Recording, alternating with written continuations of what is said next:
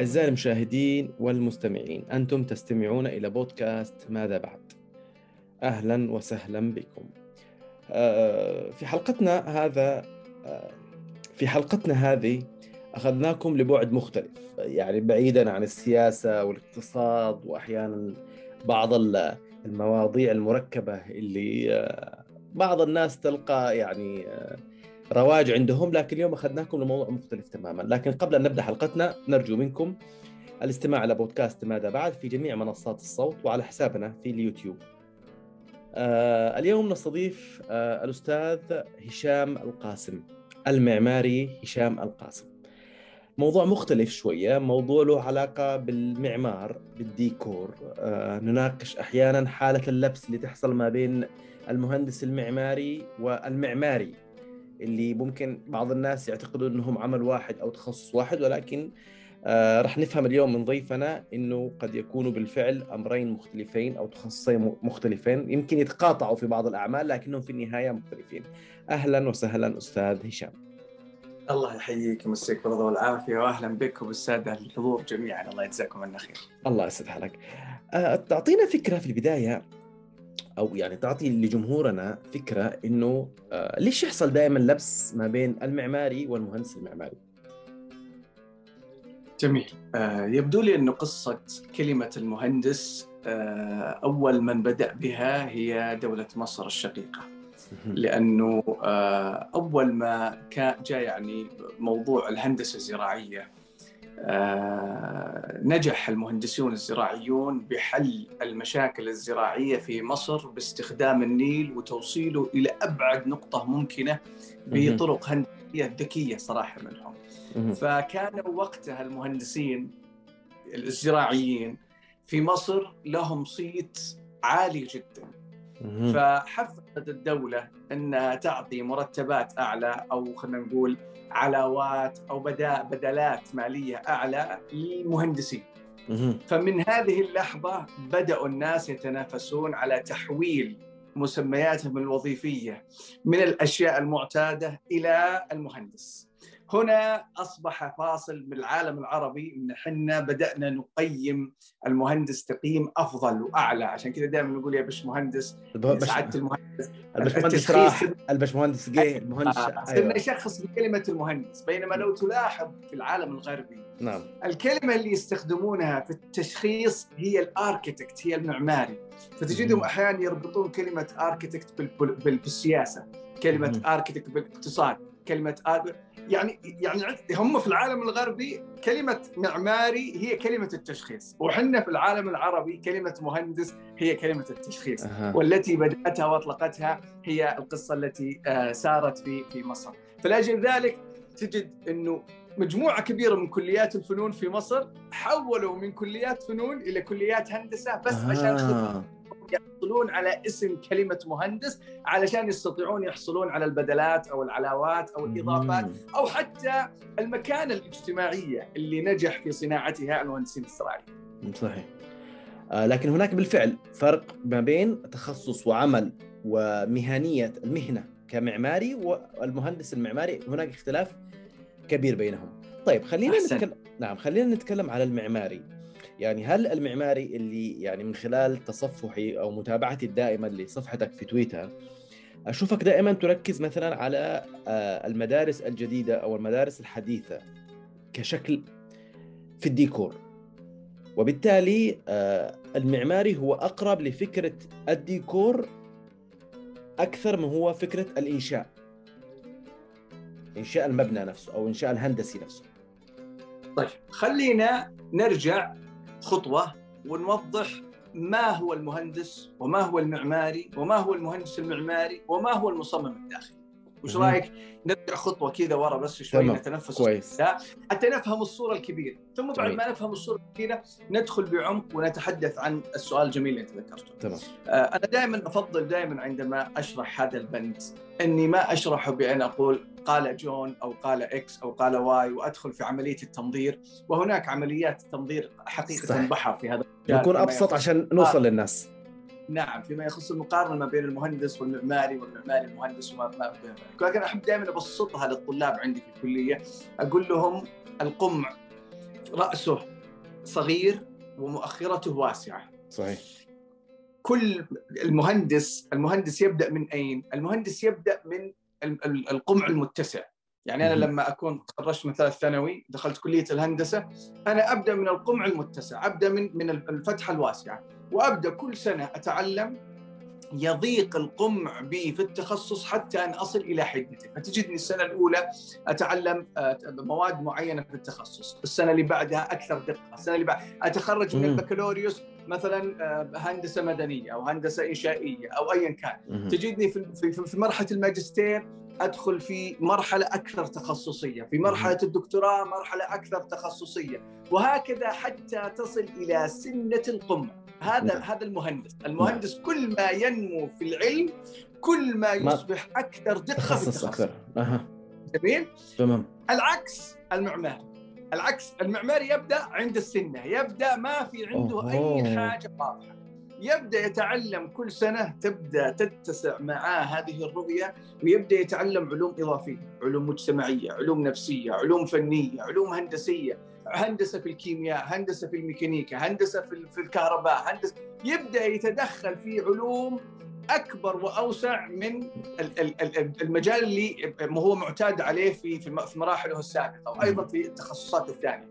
فتجد المعماري بعد ما يخلص البحث الثانوي في المتوسط دائما على النظام التخصصي، الآن هو الآن في في في في تخصص يبدأ يوسع مداركه يبدأ يفتح له آفاق أكثر يبدأ يوجهه لعلوم مختلفة تماما لم يكن معتاد أصلا على أنه يطلع عليها. يعني إحنا ندرس ندخل في علم النفس ندخل في الأحياء ندخل في الهندسة الهندسة ندخل في الإنشاءات في الكهرباء في الميكانيكا في الفيزياء ندخل في مجالات كثيرة. فلما نتخرج من البكالوريوس تتوقع إنه أنت معناها ستهيأ إنك أنت تشتغل لمشروع معين. لا أنت في الحقيقة الكلية تعطيك الأداة اللي تسمح لك إنك أنت تحلق بأجنحتك أينما تشاء، أنا أذكر مرة كتبت مقالة سردت فيها أكثر من 18 مهنة. يستطيع خريج العمارة أوه. أن يعمل بها. 18 مهنة.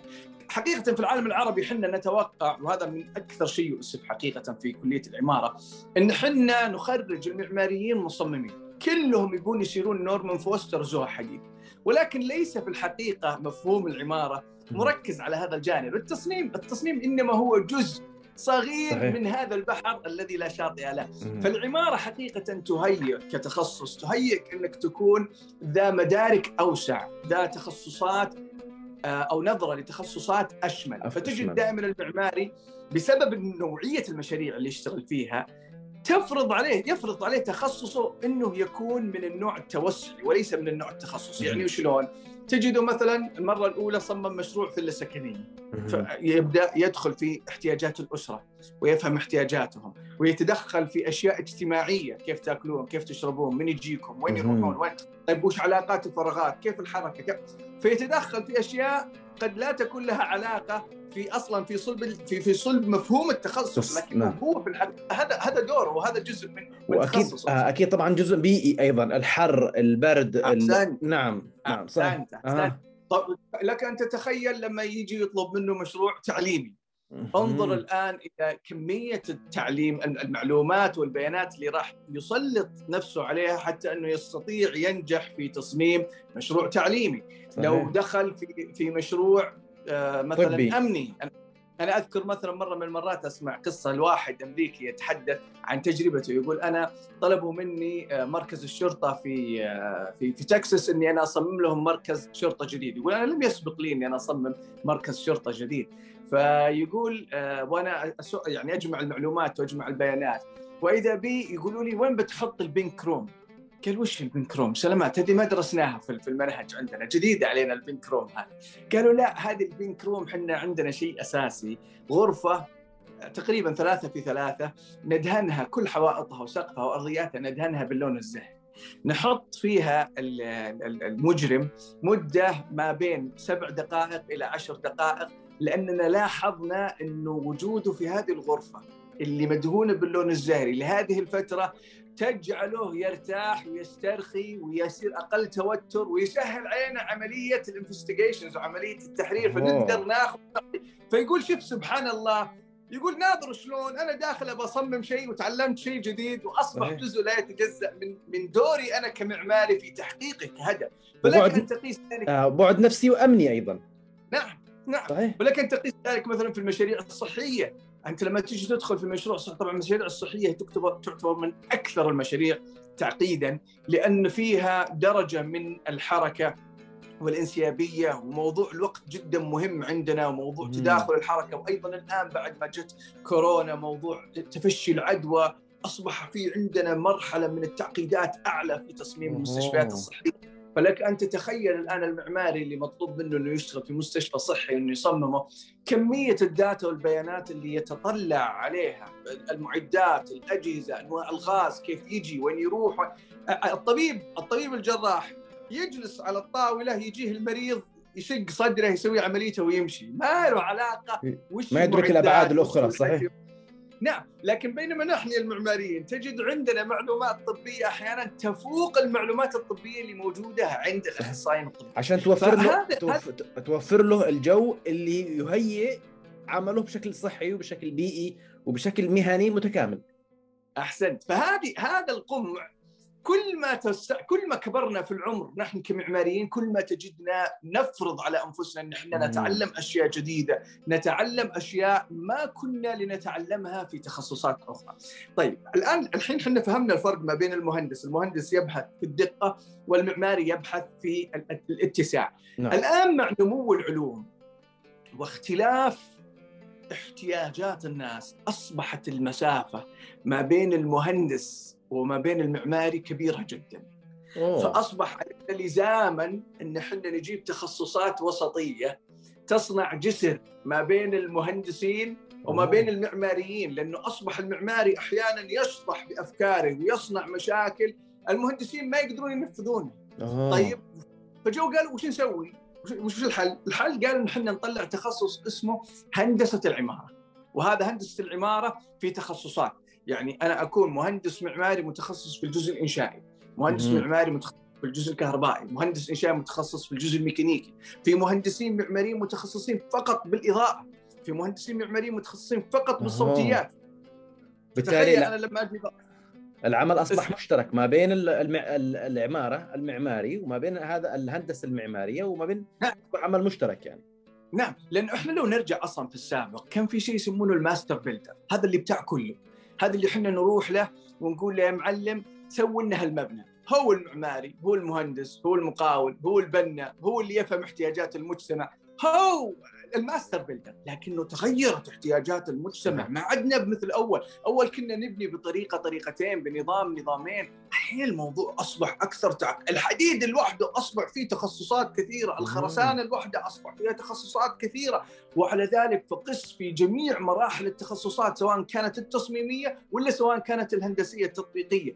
الجميع أصبح في توسع كبير جدا. طبعا هذا التوسع الآن سيبدأ يتقلص بفضل التقنية. وإن شاء الله راح نتحدث عن تدخل التقنية في مجال العمارة والهندسة. طيب آه آه، آه. آه اسم آه بس- اسمح لي آه آه كمل تفضل. سمع آه. فالآن الآن إحنا عندنا الحين لو لو نلاحظ إنه ال- ال- الف- الفجوة هذه بين المعماري والمهندس فرضت علينا إن إحنا نجيب هالتخصص الجديد اللي إحنا سميناه هندسة العمارة، لأجل ذلك هندسة العمارة هي تخصص جسر وصلي ما بين العمارة والهندسة،. وكثيرين اليوم من الأخوة والزملاء المعماريين يطلقون على أنفسهم كلمة مهندس معماري فقط لموضوع المجتمع. نرجع لقصة مصر. موضوع المجتمع المجتمع فاهم أنك مهندس فيسميك مهندس لكن هي في الحقيقة أنت لست مهندسا. العمارة شيء والهندسة شيء وهندسة العمارة شيء. شيء وكل منهم له دوره في مشاريع البيئة المبنية وكل منهم يعمل مع بعض لكي يستطيعون أنهم يوصلون للمشروع بأفضل ما يمكن. وأرجو أن أكون يعني بس لا نجحت في توصيل. لا لا توضيح رائع وتأسيس تماما لأي فكرة لأي شخص يعني يعتقد أنه يعني حابب أنه يعني يدرك بعض أبعاد هذا البعد. طيب أريد- ل- لبعد ثاني مختلف. أعتقد أنه جمهورنا ممكن يريد أن يسمع فيه. خاصة الشخص اللي يريد أن يستفيد من أو يريد أن يصمم شيء أو يريد أن يؤسس لشيء. عادة أغلب الناس لو شافوا أول ما يدخلوا فندق أو يدخلوا ش- بيت أو يدخلوا مكان حداد يقول لك هذا هذا يعني تصميم عصري هذا تصميم ديكور مودرن. أو يقول لك هذا كلاسيك هذا تقليدي. فهل تقتصر فقط كثير من المدارس العصرية لها علاقة بالديكور أو بالعمارة فقط ما بين المودرن والكلاسيكي أم بينهما أو يمكن مزج بينهما؟ جميل. آه، أنا أنا أحب دائما يعني إذا جيت اجاوب على مثل هذا السؤال أقربه بأشياء أقرب لأذهاننا وهي مثلا مثلا نقول مثلا الألوان. يعني إحنا الحين لما نجي ونقول الكلاسيك هو الأبيض والمودرنز هو الأسود آه تجد دائما أهل الألوان عندما يختارون ألوان ما يطلعون خارج هذول اللونين. يعني يا يختار أبيض يا يختار أسود. طيب ليش؟ وش السبب؟ هل هذا يعني إنه ما في ألوان ثانية؟ هل هذا يعني إنه ما في درجات ما بين الأبيض والأسود؟ هناك آلاف مؤلفة من الألوان وهناك طبيعي. آلاف مؤلفة من الدرجات ما بين الأبيض صحيح. والأسود. ونستطيع بشكل مستمر دائما نحن نستحدث ألوان جديدة. يعني لو تلاحظ مثلا تتابع مثلا في حسابات التواصل كل سنة في عندنا درجة ألوان معينة تفوز بجائزة أفضل لون لهذه السنة. وبعض الأحيان تكون ألوان بدرجات جديدة ما كنا نعرفها ولا كنا نطلع عليها. فهي مثل مثلها مثل مفهوم الألوان.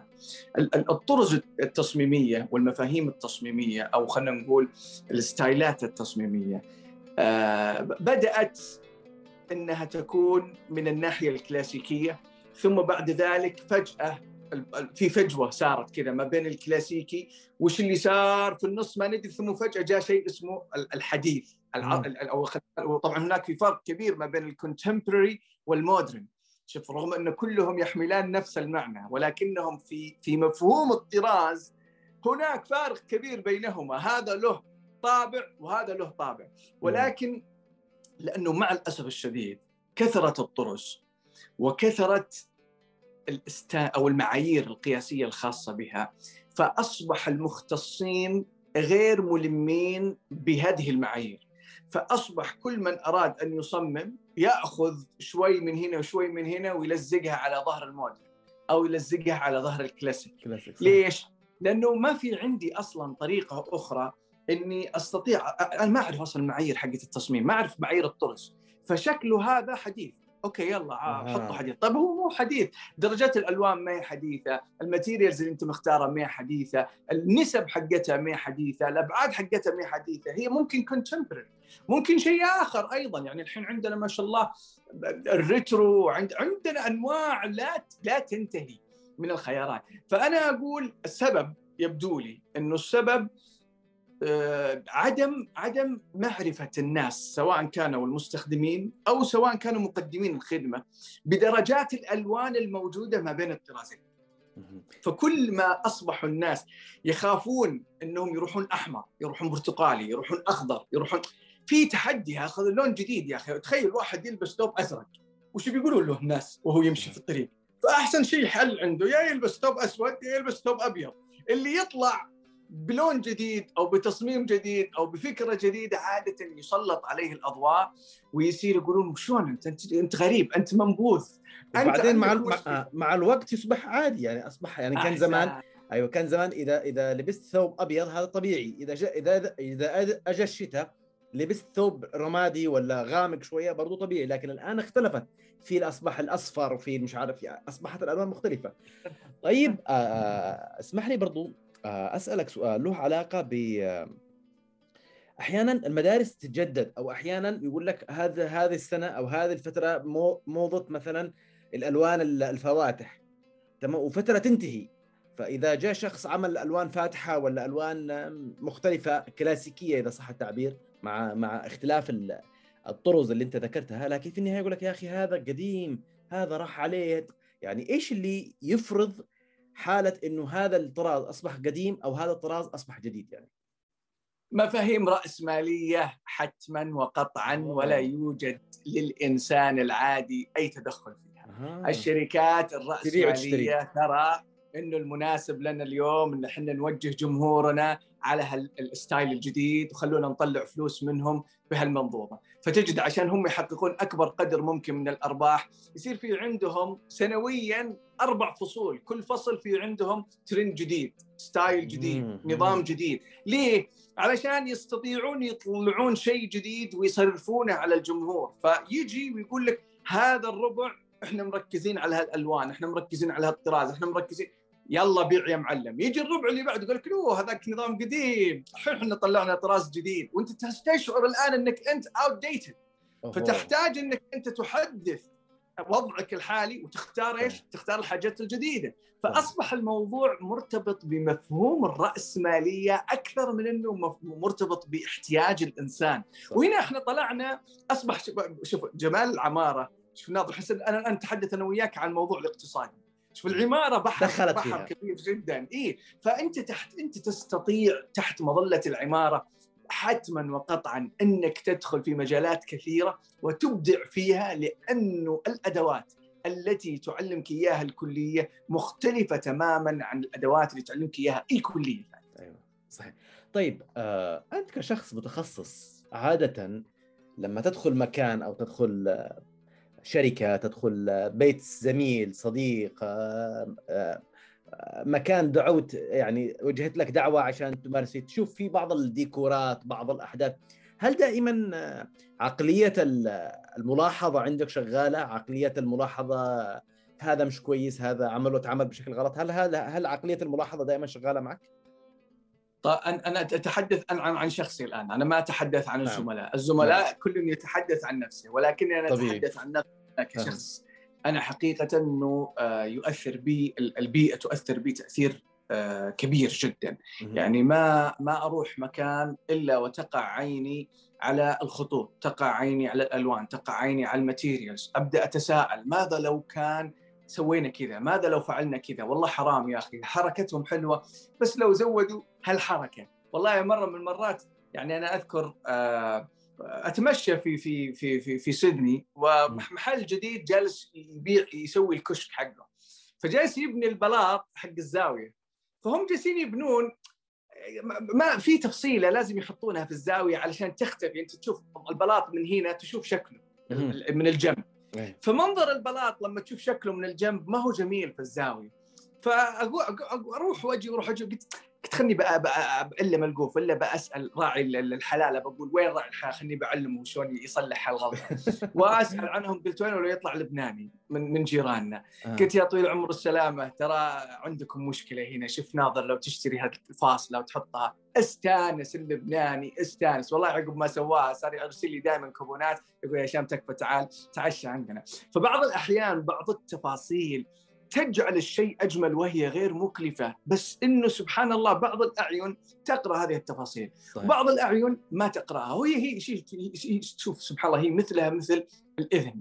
الإذن بعض الآذان سبحان الله آذان موسيقية. تستمع صحيح. أحيانا إلى أشياء وتفرق. وبعض الآذان ما في. نفس الشيء الأنف نفس الشيء التذوق. شوف سبحان الله حاسة التذوق. صحيح. بعض الناس عندهم القدرة في إنه يفرق كل نوع من أنواع البهار ويمكن حتى بعد يفرق لك. درجه الحرارة اللي أنت حاط فيها الطبخ صحيح. وبعض الناس سبحان الله والله لو تحط له وش ما تحط له يدق في هالنعمة ويأكل والله ما يضره تقول طاحونه ما شاء الله تبارك الرحمن أطحن. فسبحان الله حواس الإنسان كلا وعنده إمكانيات أعلى من غيره في بعض الحواس. فأنا قطعا بشخصي أنا بكل تأكيد أتأثر في البيئة، يعني قبل فترة زرت آه، مط... آه، شو اسمه متحف إثراء في في الدمام، حقيقة متحف جميل جدا، والله إني جالس أنا ويا زميلي نمشي جالس أركز على طرق التنفيذ، أقول شوف هالمادة وشوف هالمادة، شوف والله هذه غالية والله هذه ممتازة. فما رحت أشوف المتحف وش محتواه. أركز على المتحف وشلون نفذ فقطعا إنه أصحاب المهنة دائما يركزون على أشياء تعمل لك تميل تعمل لك مشاكل؟ والله شوف آه أنت تحتاج إنك أنت تضبط نفسك يعني أنا أذكر مرة واحد من المرات في مادة من مواد آه يعني اسمح لي أضيف بس آه اضيف أضيف بس إيه. سؤال يعني إضافي أو يعني معلومة إضافية آه يعني أي. أنا الآن لو أشتغل هذا الديكور وأخلص يعني أنت لو كنت كلمت اللبناني هذا بعد ما خلص قلت له لو كنت سويت أنا متكلف وشايف نفسي جبت الديب من ديله وخلصت كل حاجة أجيت في الأخير تقول لي يا أخي لو الموضوع هذا عملته بهذا الشكل كان فبالتالي أنا ممكن يعني أتحسس أو تكتسر نفسي أو شيء من هذا القبيل يعني.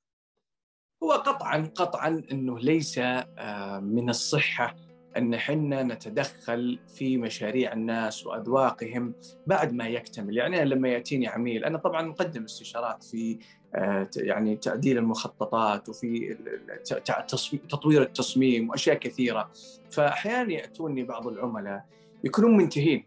يقولون يا هشام وش رأيك؟ ما ما خلاص شو أقول لك وش رأيك؟ يعني من السفاهة إني أجي وأمسح في في مشروعك البلاط. أنت انتهيت. ما أستطيع إلا أن أقول لك بارك الله لك. الله يطرح لك فيها الخير البركه ما شاء الله تبارك الرحمن. فلأجل ذلك أقول بعض المعماريين يفتقدون مهارة متى يعني ينقدون ومتى يباركون. هذه المهارة حقيقة إنها مهارة اجتماعية مهمة جدا. أنا يعني أذكر وأربطها. طبعا لمستها بعد ما تزوجت بس أنا أذكرها وأنا طالب. كان عندنا دكتور في آه، مادة نظريات عمارة. كان يقول إنه زوجة المعماري يعني مأجورة بشكل يعني فوق العادة قلنا ليش يا دكتور؟ قال لأن المعماري بطبعه ما ي... يعني ما ي... ما يسكت لازم ينقد لو إن هذا زايد ملحه لو إن هذا ناقص الفلفل الأسود لو إنك حاطه بهار زيادة لو إنك مكثر شوي لو إلا ما يبربس ويحوس فيقول أنا أتوقع إنه المعماريين حول العالم دائما عندهم مشاكل في مع زوجاتهم في كل الإجراءات. وأنا بالفعل أول ما تزوجت كان عندي يعني بعض اللقافة أحب أتجاوزها مع زوجتي في البيت في اختيار الستاير في اختيار الألوان في اختيار الكنب في اختيار البلاط. في حاجات تفاصيل صغيرة جدا. ثم بعد ذلك مع الوقت بدأت أكتشف إنه أنا يعني. هذا مو مكاني. كيف؟ ضبطت الأمور شوية. إيه هذا مو مكانك يا معلم. أنت الآن هذا هذا هذا الكهف الخاص بزوجتك. يجب أن تتعلم كيف تضبط صحيح. الموضوع وتقول لها صح عليك. اللي أنت تشوفينه صح. أنا بس أوجه أقول لك هذا مناسب هذا أعطيك رايي أما أني أتدخل في الموضوع أنت تفتح لنفسك جبهات جبهات عسكرية يعني. يعني والله يعني يعني تفتحها مع زملائك في في في العمل، تفتحها مع العملاء، تفتحها مع المقاول العمال، وتجي في البيت وتفتحها مع زوجتك وعيالك، لا يا عم خلي الثمان ساعات ارتاح ريح نفسك. مروق. طيب. آه إحنا تكلمنا عن الملاحظات وطبيعي يعني أي واحد يشوف يعني آه كل صاحب مهنة آه يشوف ملاحظاته بشكل مختلف يعني. حتى أحيانا نعيب على بعض المهنيين أو الصنايعية في مصر. مثلا أو في بعض الدول العربيه يجي يقول لك لا يعني الحمام ده لو كنت عملته كذا كذا كذا كان أحسن. العمارة دي لا وهذا الشكل. لكن هل الجانب الآخر هل أحيانا تدخل محل بالفعل تبهر؟ تصاب بحالة من الإبهار؟ لا هذا ما فيهوش غلطة؟ ولا المعماري عمره ما يوصل للمرحلة هذه؟ والله آه يبدو لي إن إحنا نخدع وخداعنا سهل. لأجل ذلك نحن آه وإحنا طلاب كنا نستخدم تكنيك آه الابهار نركز دائما على تكنيك الإظهار حتى نخفي الأخطاء الوظيفية. وهذا الشيء تعلمناه من فترة يعني مبكرة من يوم إحنا طلاب. تخيل إن إحنا ندرس وندرب كيف لا كيف إن إحنا نجعل الأشياء تمزج ببعضها ونظهر الجميل ونخفي الغير جميل. فهي بكل تأكيد هي مهارة وفن ما يتقنه إلا القليل. في ناس سبحان الله عنده المهارة حتى ترى لغويا واجتماعيا عنده مهارة إنه يبيع لك الشيء حتى لو إنه خربان. صحيح. في ناس ما عنده هذه المهارة. يعني واضح يعني جاف ما ما يستطيع إنه مباشر. يلف ويدور. فتلقاه حتى هو يظهر لك العمل يظهر لك الخطأ خطأ ويظهر لك الصح صح فيدخلك في دوامة ما تعرف أنت صح أنت غلط ويكثر عليك الاختيارات. وعلى قولة المثل ان بغيت تحيره خيره. لكن دور المعماري أحيانا يجب أن يكون محنك يجب أن يكون في بعض الدهاء الخفيف. يعني ما أقول خليك نصاب أنا أقول خل عندك دهاء في آلية تقديم المعلومة وفي آلية تقديم التصميم. يعني سدد وقارب لا تسير يا تكخه يا تكسر مخه. خلك يعني مرن شوي. فبكل تأكيد يعني إنه هذه المهارة مهارة مهمة وبكل تأكيد إنه يستطيع المعماري ويدخل أحيانا المعماري. والله أنا دخلت أماكن كثيرة جدا. حقيقة انبهرت يعني لو أنا لو أنا بدخل بعين الناقد غير لما أنا أدخل بعين المستخدم. لأنك لما تدخل بعين الناقد أنت مهنتك إنك تستكشف الأخطاء. أنت مطلوب منك أنت مدفوع لك استشارة تعال طلع لنا الأخطاء هذا شيء ثاني آه. هذه وظيفة ثانية لكن لما أنت تجي بعين المستخدم وتقول يا أخي تعال استمتع هل هل المج... هل الفراغ الحيز هذا متقن؟ إي والله في فراغات كثيرة جدا جميلة نستمتع بدخولها ونستمتع بالعيش بها ونستمتع باستخدامها يا أخي أدوات صغيرة أحيانا أيضا كذلك نستمتع بها ينجح زي إيش؟ زي إيش يا عزيزي؟ زي إيش مثلا شيء أنت كان يعني يعني شيء عام يعني للجمهور موجود في دولة عربية موجود في دولة خليجية موجود في أي مكان في العالم شيء بالفعل أنت كشخص كمتخصص كشخص تشخص هذه الأبعاد المعمارية شفتوا شيء مبهر يعني ما كانش في غلطة يعني. أو أول مشروع يجتمع عليه المسلمين قاطبة الحرمين الشريفين. صحيح. ادخل تمشى في الحرم النبوي ادخل تمشى في الحرم المكي. وتعال كلمني هل الجيومتريك حق المبنى واقف شاخص هل يحقق العظمة اللي أنت تبغاها هل ال geometric اللي هو إيش بالضبط ال geometric اللي هو المنظومة الهندسية أو الاشكال. الهندسية أه. أه. وقوف المبنى في بعض المباني ال geometric shapes حقتها تجعلها راسخة لآلاف السنوات صحيح. شوف الان القوه القوه الهندسية تتعاكس مع قوى الجاذبية القوة الجاذبية تبي تسحب لتحت والقوة الهندسية بتي توقف لفوق كل ما كانت القوة الهند... الجيومترية ضعيفة كل ما كان المبنى آيل للسقوط وعدم الاستمرارية أوه. كل ما كانت الجيومترية الهندسية جيدة كل ما أصبحت هي وال... وال... والجاذبية يتعاونون لكي يعيشون فترة أطول. فلأجل ذلك في بعض النظم تتوقع أنها قائمة على الشد لكنها هي قائمة على ال compression. تعكسها تلقاها قائمة على ال compression وهي ما هي قائمة. فيجب أنك تجد الآلية والوزنية الصحيحة والمناسبة لكل عنصر. في بعض المباني عاشت آلاف السنين. وش السبب؟ ال geometric shape الصحيح اللي يتماشى مع الجاذبية. وفي مباني ما كملت خمس سنوات وطاحت. وش السبب؟ صحيح. بس انت اخترت مشروع بالفعل لا غبار على الاختلاف عليه يعني يعني حالة الإبهار وال وأعتقد البعد الروحي أو الروحاني أيضا يلعب دور كبير فيما يتعلق ب آه، الحرمين الحرم المكي والحرم النبوي. طيب خليني آخذك السؤال يعني يعني نأخذ يعني نحاول ننهي الحوار بشكل ممكن الجمهور نفسه يكون آه، يستفيد منه. آه، انت اليوم إيش اللي إيش اللي يطلب منك؟ يعني انت اليوم لما يجي شخص في شركة بل خلينا يعني نحدد نشخص الأمر أكثر أو نحدده أكثر. في المنازل في البيوت في الفلل في الشقق إيش أكثر شيء اليوم تعتقد إنه مطلوب أكثر؟ من بعد رأس مالي أوكي هذا لابد أن نأخذه بعين الاعتبار وأيضا من بعد الناس تطلبه. إيش أكثر شيء اليوم إحنا في 22 في آه، إيش إيش أكثر شيء مطلوب تعتقد؟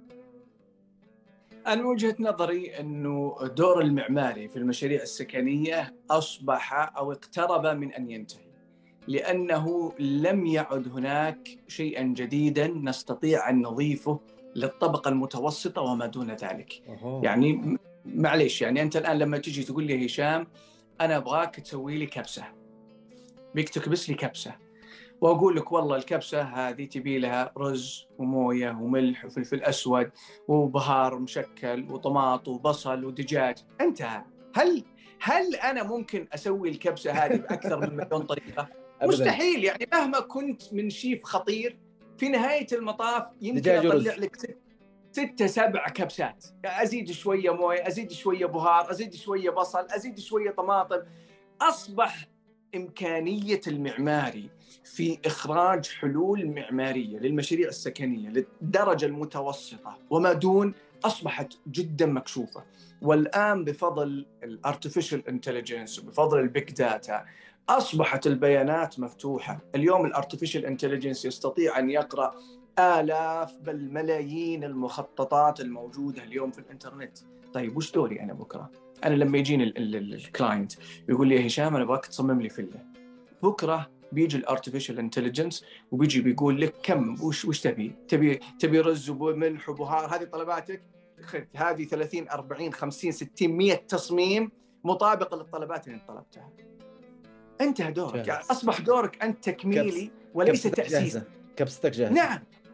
زي ما زي اليوم موجود في قدور تحط فيها البهار والرز وتتركها وتروح بعد 45 دقيقة وترجع تلقى كبستك جاهزه صحيح. نفسها الآن. أنا أقول الآن أصبح شوف تذكر لو قلت لك في بداية الحوار قلت لك إن إحنا وصلنا إلى مرحلة من التشعب في العلوم. كبير جدا أصبح في عندنا حاجة إن إحنا نسوي تخصصات لكي تحل مشكلة التخصصات.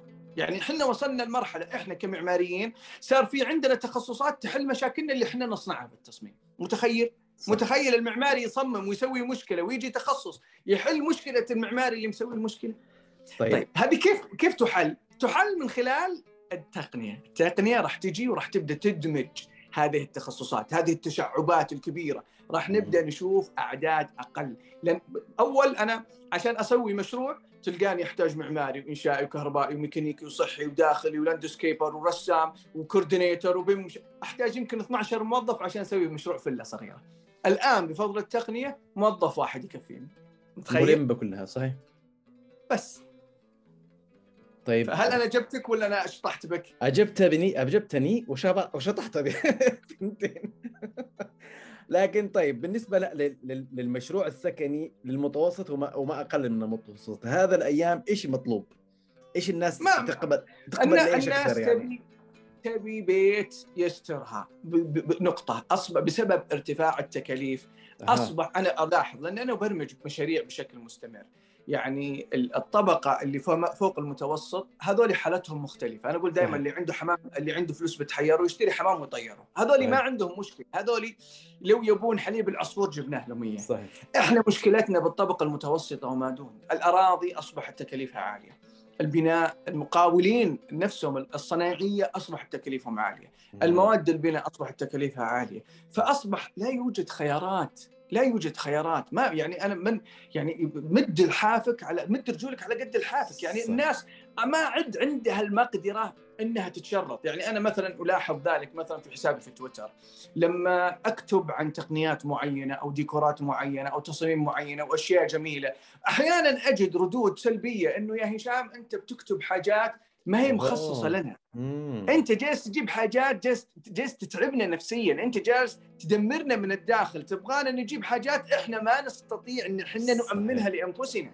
فأرجوك والله بعض الطلبات تجي تقول أرجوك يا هشام تحدث بمنطقية. انزل إلى مستوانا. عطنا الأشياء التي تتناسب معنا. وليس الأشياء كمان. التي تتناسب مع ذوقكم وأنتم يا المعماريين الحالمين الجميل. ملاحظ معي. فبكل تأكيد احتياجات الأسرة السعودية تقريبا متطابقة. كلهم يبون مجلس صالة مقلط آه، دورتين مياه مطبخ غرفة خادمة جلك الله أربع غرف نوم اثنين بحمامات مشتركة واثنين بحمامات داخلية مع غرف ملابس صالة كيتشينيت.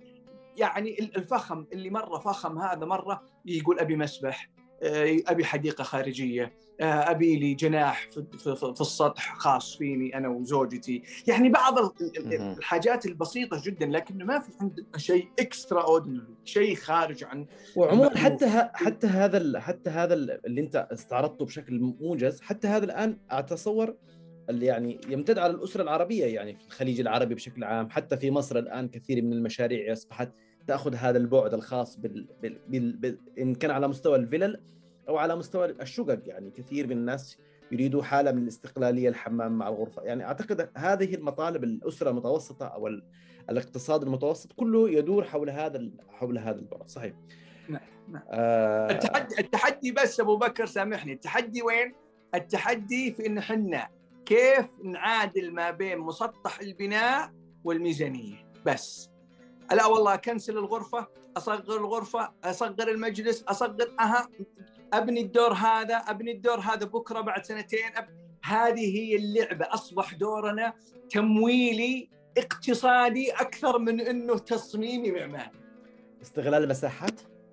نعم نعم. طب شوف لا يوجد لا يوجد إنسان يذهب إلى معماري ويمشي بالخطوات الصحيحة التصميمية إلا ويكون هذه هي نتائجه. إحنا مشكلتنا في العالم العربي اليوم إننا لا نمشي على الخطوات الصحيحة التصميمية. أوه. فتكون النتائج كارثية، ثم نأتي ونتساءل. لماذا مشاريعنا الإسكانية تكاليفها عالية؟ كثيرون. والله العظيم إني أقولها من أكثر من 15 سنة، من يوم وحنا في الكلية، أنا أنقلها عن استاذي اللي درسني. وهو قالها في تلك السنين. يقول إنه القرض العقاري يكفي للأسرة السعودية أنها تبني فلتها بكامل احتياجاتها. هذا الكلام من 15 سنة وما زلت أؤكد إنه يمكن للأسرة السعودية أنها تبني ب 500 ألف ريال مشروعها السكني لكن من اللي يساعدك صحيح. في إنه يشرح لك إنه هذا الشيء أنت تحتاجه أو هذا الشيء أنت ما تحتاجه. دورنا إحنا كمعماريين أصبح ارسم طبق الدور الاجتماعي والدور التصميمي والبعد الإنساني في إني أنا أجلس مع ال client أفهم احتياجاته أفهم إمكانياته أفهم قدراته أفهم ليش يبغى الحاجة هذه أصبحت معدومة. فيجيني ال client أنا أقول هذه أكبر مشكلتين دائما عشان كذا أنا دائما أبرمج معماريا. إذا أنا أقول دائما أقول لل client إذا ما برمجت ترى أنا ما أتحمل مسؤولية نتيجتك. إذا برمجت أنا أعطيك ضمان ذهبي. إذا المشروع ما جازك خذ فلوسك. ليه؟ لأنه في مرحلة البرمجة أنت بتحل واحد يعني أهم نقطتين إحنا نواجهها دائما مع الكلاينت هذه. يا إن أرضه صغيرة واحتياجاته كبيرة يا إن احتياجاته أكثر من إمكانياته المالية. يعني هذه أكبر مشكلتين. يا إنه عنده فلوس بس ما عنده مساحة. احتياجاته أكثر من مساحته. طيب أنا أجيب لك فلو... مساحة من فين؟ أجيب لك صحيح. من جيبي أخذ من الجيران أرض ولا كيف؟ صحيح. أو إنه يكون عنده المساحة لكن ما عنده المقدرة الماليه إنه ينفذها. فيجي يقول أنا يا أخي رحت المكتب هندسي وقال لي أبشر أعمل لك كل اللي أنت عايزه. طيب هو بيسوي لك على الورق. تقدر بكرة تنفذها على الواقع؟ ما تقدر. بتعجز على طول. نعم والآن الإجراءات الجديدة تطلع الرخصة. يجب أن تنفذ الرخصة كما أخرجتها عشان تستطيع تطلع شهادة تمام البناء عشان تقدر تبيع المشروع أو تطلب أوه. بالكهرباء إنها تشبك أو تطلب الموية إنها تشبك. الموضوع أصبح أكثر دقة وأكثر تعقيدا. الدولة الحين ما عاد تبغى أي أحد ينفذ بأي طريقة. تبغى بجودة معينة بطريقة معينة. تبغى ترتقي بالمنتجات الإسكانية اللي تباع للسوق. صحيح. تعبنا في العشر سنوات الماضية بمفهوم المشاريع الكرتونية. فأصبح يجب إن إحنا نحط أسقف يجب إن إحنا نحط جودة ويجب إن إحنا نحط كود يجب إن إحنا نحط آلية يجب إني اصعب عليك في بعض الأمور حتى أضمن إن مخرج. المنتج يصلح لك يصلح اللي بعدك صحيح اتضح لك؟ نعم آه، أحيانا بعض الناس تعتقد إنك لما تعطي ملاحظتك على عمل محدد يعتقدوا إنك تنتقد شخصه تعتقد مهنته تعتقد ادائه فبالتالي هذا الانتقاد الشخصي اللي يجي على الشخص المعماري أو الشخص اللي فيعتقد إنك أنت يا هشام توجه نقدك المباشر عليه. فانت كيف تتعامل مع مثل هذه ردات الفعل؟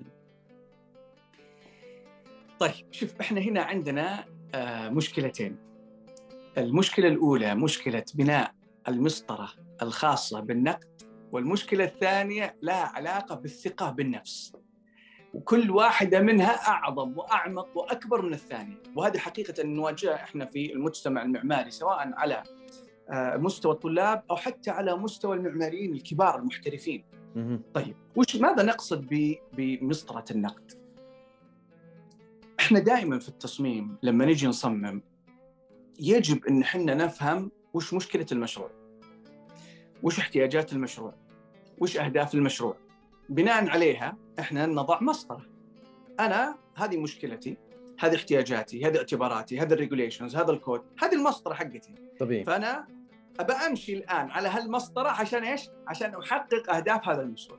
نعم. فالآن لما أنا أمشي على هالمسطرة وأنهي المشروع وأقول لك انقد لي يا أبو بكر. أنت لما تجي تنقد أبى أسلمك المسطرة بقول لك أنا يوم جيت أصمم أبو بكر؟ صممت بناء على هذه الأساسات وهذه المعايير. لازم تعرفها أنت كناقد. لا يص... لا يصح للناقد أنه ينقد لأجل النقد. ما في شيء اسمه تعال انقد وبس ثم يجي يعطيك نقد ما لك علاقة أنت فيه ولا لك ذنب. يجي ينقد الاشتراطات يجي ينقد الكود يجي ينقد احتياجات أنا إيش دخلني أنا كمعماري؟ صح ولا لا؟ صحيح. فيجب أني أصنع مسطرة النقد الصحيحة اولا. ثم بعد ما أصنعها أبدأ أقول للناس تعالوا أنقذوني بناء على المسطرة، الحين لما يجيني نقد يجيني النقد على إيش؟ يجيني النقد على المسطرة، يقول أنت كاتب إن المشكلة هنا لكنك ما نجحت فيها سويت واحد اثنين ثلاثة وكان الاجدر إنك تسوي واحد اثنين ثلاثة. آه. الحين إيش أقول لك؟ أقول لك آمنت بالله. صحيح. كلامك صحيح. صحيح. ليه؟ لأني أنا واضحه عندي المشكلة، واضح عندي المعايير وأنت نقدتها وطلعت حل أحسن من حلي. أنا الآن أستمع لك صحيح. وأرضخ لك وأتعلم منك وأستفيد منك وأصبح نقدك نقد بناء. لكن لما ما تصير المسطرة موجودة أبدأ أنا أجعل المشروع مشروع my own project هذا هذا أنا هذا ولدي. فلما تيجي تنقده أنت كأنك تسبني في ذاتي كأنك تؤذيني في ذاتي كأنك تؤذيني في ابني. فتبدأ الموضوع عراك شخصي. فتجيك بعض الأحيان لو تدخل في تويتر بعض المصممين المعماريين لما يطرحون مشاريعهم وياتيهم نقد لاذع عليه. يصير في جدال وشحناء عجيبة جدا وش وش السبب؟ السبب إن مسطرة. المسطرة مفقودة فصاير النقد للشخص للذات فاصبح يعني أصبح النقد ما هو بنقد بناء أصبح صحيح. النقد نقد لاذع الهدف منه إني أنا اسقطك وليس الهدف منه إني أنا أساعدك وأطلعك وأقول لك هذا غلط والسبب واحد اثنين ثلاثة وهذا صح وأبدأ أعلمك واخذ عشان كذا إحنا نواجه مشكلة دائما في عملية التعليم التصميمية وفي عملية النقد التصميمية في العالم الاحترافي. إحنا مع الطلاب لما نيجي نتكلم معاهم ما نوضح لهم وش المسطره الخاصه بالمشروع. نيجي نقول لهم إحنا عندنا مشروع نبي ننفذ واحد اثنين ثلاثة هذه الآن يلا ابدوا اشتغلوا. يجي الطالب يشتغل ما في عنده برنامج معماري ما في عنده إيش احتياجات ال client إيش ال challenges اللي موجودة؟ إيش ال regulations ما في عنده ولا حاجة السماء عنان. يجي يشتغل يصمم يجي يسمع الدكتور الدكتور عنده مدرسة معينة. فالدكتور يبغى يمشي الطالب على مدرسته. صحيح. وأنا أذكر أنا أذكر أنا يعني وهو يا الله يمسيه بالرضا والعافية ويجزاه عنا خير. والله العظيم إني ما قد قلت الكلام هذا إلا أقولها في وجهه. والله إني كنت أنتقده انتقاد لاذع وأنا طالب وبعدين صرت زميله في في الجامعة وجيت وقلت له قلت له يا دكتور ترى كنت كنت تسوي واحد اثنين ثلاثة وترى ما كان يجوز لي شغلك وأنتقد وكان يعني يرحب بصدر واسع جدا والله من أجمل الدكاترة اللي درست معهم. كان عنده مدرسة يبينا نمشي عليها، أنا والله زعلت عليه أنا جيته هو أعطاني B plus ما أعطاني A، زعل إني أنا ما مشيت على مدرسته. إلا أنا أمشي على مدرسته ولا ماني معطيك A؟ قلت والله لا أمشي على مدرستي ولا أمشي اللي أنا أشوفها صح، تبي تبي ولا بسلامه؟ والله أعطاني B plus وزعلت عليه، وجيته بعد ما تخرجت وصرت معيد في في الجامعة. قلت ترى تذكر ذاك المادة ذاك اليوم سويت فيني واحد اثنين تراي ماني براضي عليك.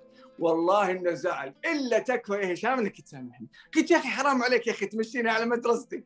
طيب الموضوع وين؟ الموضوع لأنه شوف حتى أنا كدكتور شوف أنا الحين أقول لك وهو دكتوري لأنه مسطرة كانت مفقودة فأنا ما استطعت أمشي معاه. آه هو لو. وضح لي المسطرة وقال لي يا أولادي يا حبايبي أنا أمشي على مدرسة معينة وهذه مسطرتي وأنا بعلمكم هالمسطرة. أنا بقول خلاص يا أنا راضي وأبدأ معكم بداية الترم ولا بقول لك لا والله شكرا جزيلا بروح بشوف لي دكتور ثاني يدرسني على المسطرة اللي تعجبني. فعندنا مشكلة في مفهوم المسطرة هذه أساسية لا للطلاب ولا للمحترفين. إذا لم توجد المسطرة لن تستطيع أن تنقد بنجاح سواء كنت طالب أو مدرس أو محترف. هذه النقطة الأولى. الثانية؟ النقطة الثانية مفهوم الثقة. وما نعم. أدراك ما الثقة؟ شكل إحنا فيها عندنا مشكلة مشكلة في الثقة عالية جدا.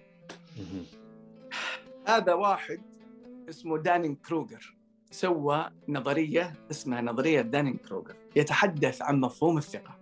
قصة هذه النظرية كيف ظهرت؟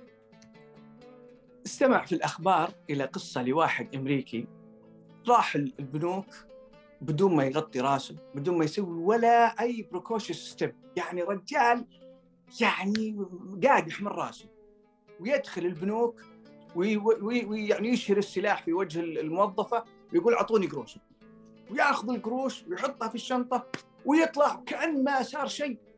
البنك الأول، البنك الثاني، البنك الثالث وهو رايح يسرقه مسكته الشرطه. وينهب للرجال، ليش مسكتوني؟ قالوا أنت سارق.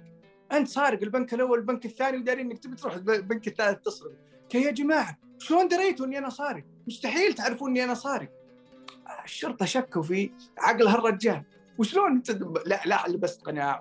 وتقول شو شايفينك في الكاميرات يا درج قال لا مستحيل ما تقدرون تشوفوني. المهم حسوا إن الرجال إنه يمكن عنده انفصام شخصية ولا يمكن انه مهبول فقالوا خلونا نشخصه. خلونا نشوف الرجال ذا وش عنده من عيب عاد يوم شخصوه طلعت مشكلة الرجال إنه غبي. الثقة الزائدة التي لا يوجد لها لا يوجد لها علاج بكل بساطة قالوا لا ليش تتوقع مننا إن إحنا يعني المفروض ما نعرفك؟ قال أنا صبيت على راسي عصير ليمون، المفترض إذا صبيت على راسي عصير ليمون ما أبان في الكاميرا. من وين جبت المعلومة؟ كذا قالوا لي وأنا صدقت وتوقعت إن الموضوع كذا فخلاص مشيت مدرعم أنا أنا أشوف إنه هذا هو الصح. فجاء Dunning Kruger وسوى نظرية Dunning Kruger's الشهيرة اللي هي لها علاقة بمستوى ثقة الإنسان وكيف يتغير عبر الزمن وكيف تصحح هذه المفاهيم. وهذه هذه أكبر مشكلة حقيقة إحنا نواجهها اليوم في مهنة العمارة أي أو أو في جميع المهن يعني بشكل عام إنه إحنا أول ما نبدأ في الجامعة مستوى الثقة عندنا صفر. السنة الأولى 20 السنة الثانية 40 السنة الثالثة 60 السنة الرابعة 80 السنة الخامسة نطلع من الجامعة الثقة عندنا 100% نطلع من الجامعة نروح لصدر المجلس. نجلس وحنا رافعين خشومنا وخروا بس وخروا عن طريق المهندس دخل وخروا لا أبوكم لا أبو. يعني أي شيء حنا الصح والباقيين غلط. فمفهوم الثقة العالي هذا جدا. مبني على إيش؟ مبني على القناعات والمعلومات اللي إحنا مارسناها في الجامعة إنه كل هذا اللي إحنا درسناه 100% صح. العصير الليمون. يجلس في المجلس كيف؟ العصير الليمون. أي فإحنا نجلس في المجلس يسألون قال لا لا هذا صح هذا غلط. خف علينا يا طويل العمر بس على طول سكيتنا في الفتوى. ما في عندك وسط ما في عندك. عيب لا لا أنتم ما تفهمون. أنا اللي أفهم. طبعا وش اللي يصير مع مستوى الثقة؟ مستوى الثقة تبدأ تنزل تنزل تنزل تنزل حتى تصل تقريبا مستوى 30% خلال 10 سنوات 15 سنة. فلاجل ذلك في هذه الفترة دائما لو تعرف زميل لك آه، ممارس بعد 10 سنوات 15 سنة تجي تجلس معاه تلقى نفسيته في طرف خشبة. تجده منفس. ليه؟ لأنه أصبح مهزوز ثقته أصبحت مهزوزة. السبب؟ لأنه كل المفاهيم اللي هو كان يتوقع إنها صحيحة تغيرت. ما هي صحيحة. أكتشف إنه في اذر الترناتيفز ممكن تشتغل أوه كمان. صحيح. فيبدا يبدأ الإنسان تهتز ثقته بنفسه ويبدأ يشعر إنه هو ما يفهم ويبدأ يشعر إنه هو كل الحاجات اللي تعلمها غلط. لكن هذه هي ترى الدورة الصحيحة لنمو الإنسان وتطوره في منهم من يستسلم ويبقى على هذا الحال يندب حظه. ومنهم من يطور نفسه. من يعمل. على نفسه ويطور نفسه ويصل تدريجيا إلى مرحلة الإكسبرت واللي تكون فيها نسبة الثقة فيه في نفسه لا تتجاوز 70% ليش ما تتجاوز 70%؟ ويكون قابل يبدو ويكون قابل أيضا إنه إنه يتراجع وإنه يطور إنه الصح نعم. الخطا مش خطأ. آه ليش ليش أصلا ما يتجاوز 70% لأجل هذه النقطة. صحيح. لأنه تعلم إنه لا يوجد شيء 100% خطأ ولا يوجد شيء 100% صح. أنا لاجل ذلك أنا دائما أمثل هذا الشيء بالطلاب العلم العلم الشرعي لو تجي لطالب علم شرعي يدرس على يد شيخ من المشايخ الكبار وهو في سنواته الأولى وتقول له وش رأيك يا شيخ في وضع العملية؟ قال هذا كافر هذا زنديق هذا مدري وشو هذا مدري وشو الرب يا ابن الحلال يهديك يرضيك الرجال دخلناه جهنم ما ينفع قال لا لا ابدا. تعال له بعد 15 20 سنة عندما يكون عالم رباني عالم رباني. ليش يسمونهم علماء ربانيين؟ لكن لو جيت لمة وقلت له يا شيخ ابيك تفتيني في واحد اثنين ثلاثة قال والله ما أعرف. ليه ما يعرف؟ ليه ما يعرف؟ أنت ما تعرف أجل من يعرف. لأنه وصل مرحلة من العلم إنه ما عاد صار يقدر يفتيك بشكل عام. يعني تعال لي على الخاص أفهم احتياجك أفهم إيش وضعك أبدأ أقول لك بناء على واحد اثنين ثلاثة إن شاء الله وضعك في السليم. لكن تجيني على العام وتقول لي أفتني أنا عارف لو أفتيتك هالفتوى وطلعت من فمي وسمعوها المجتمع ممكن أسبب مشكلة. لأنه ما تشتغل الفتوى هذه ما تشتغل على كل الناس.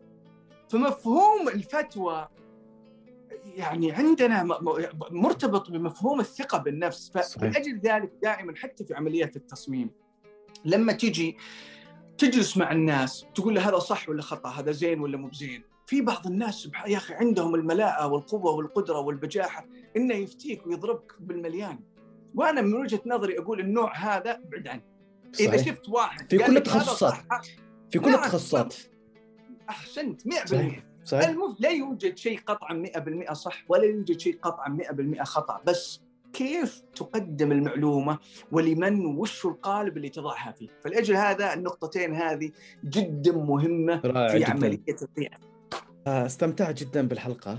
آه، تفاصيل مختلفة. آه، يعني غردنا وخرجنا لتخصص مختلف.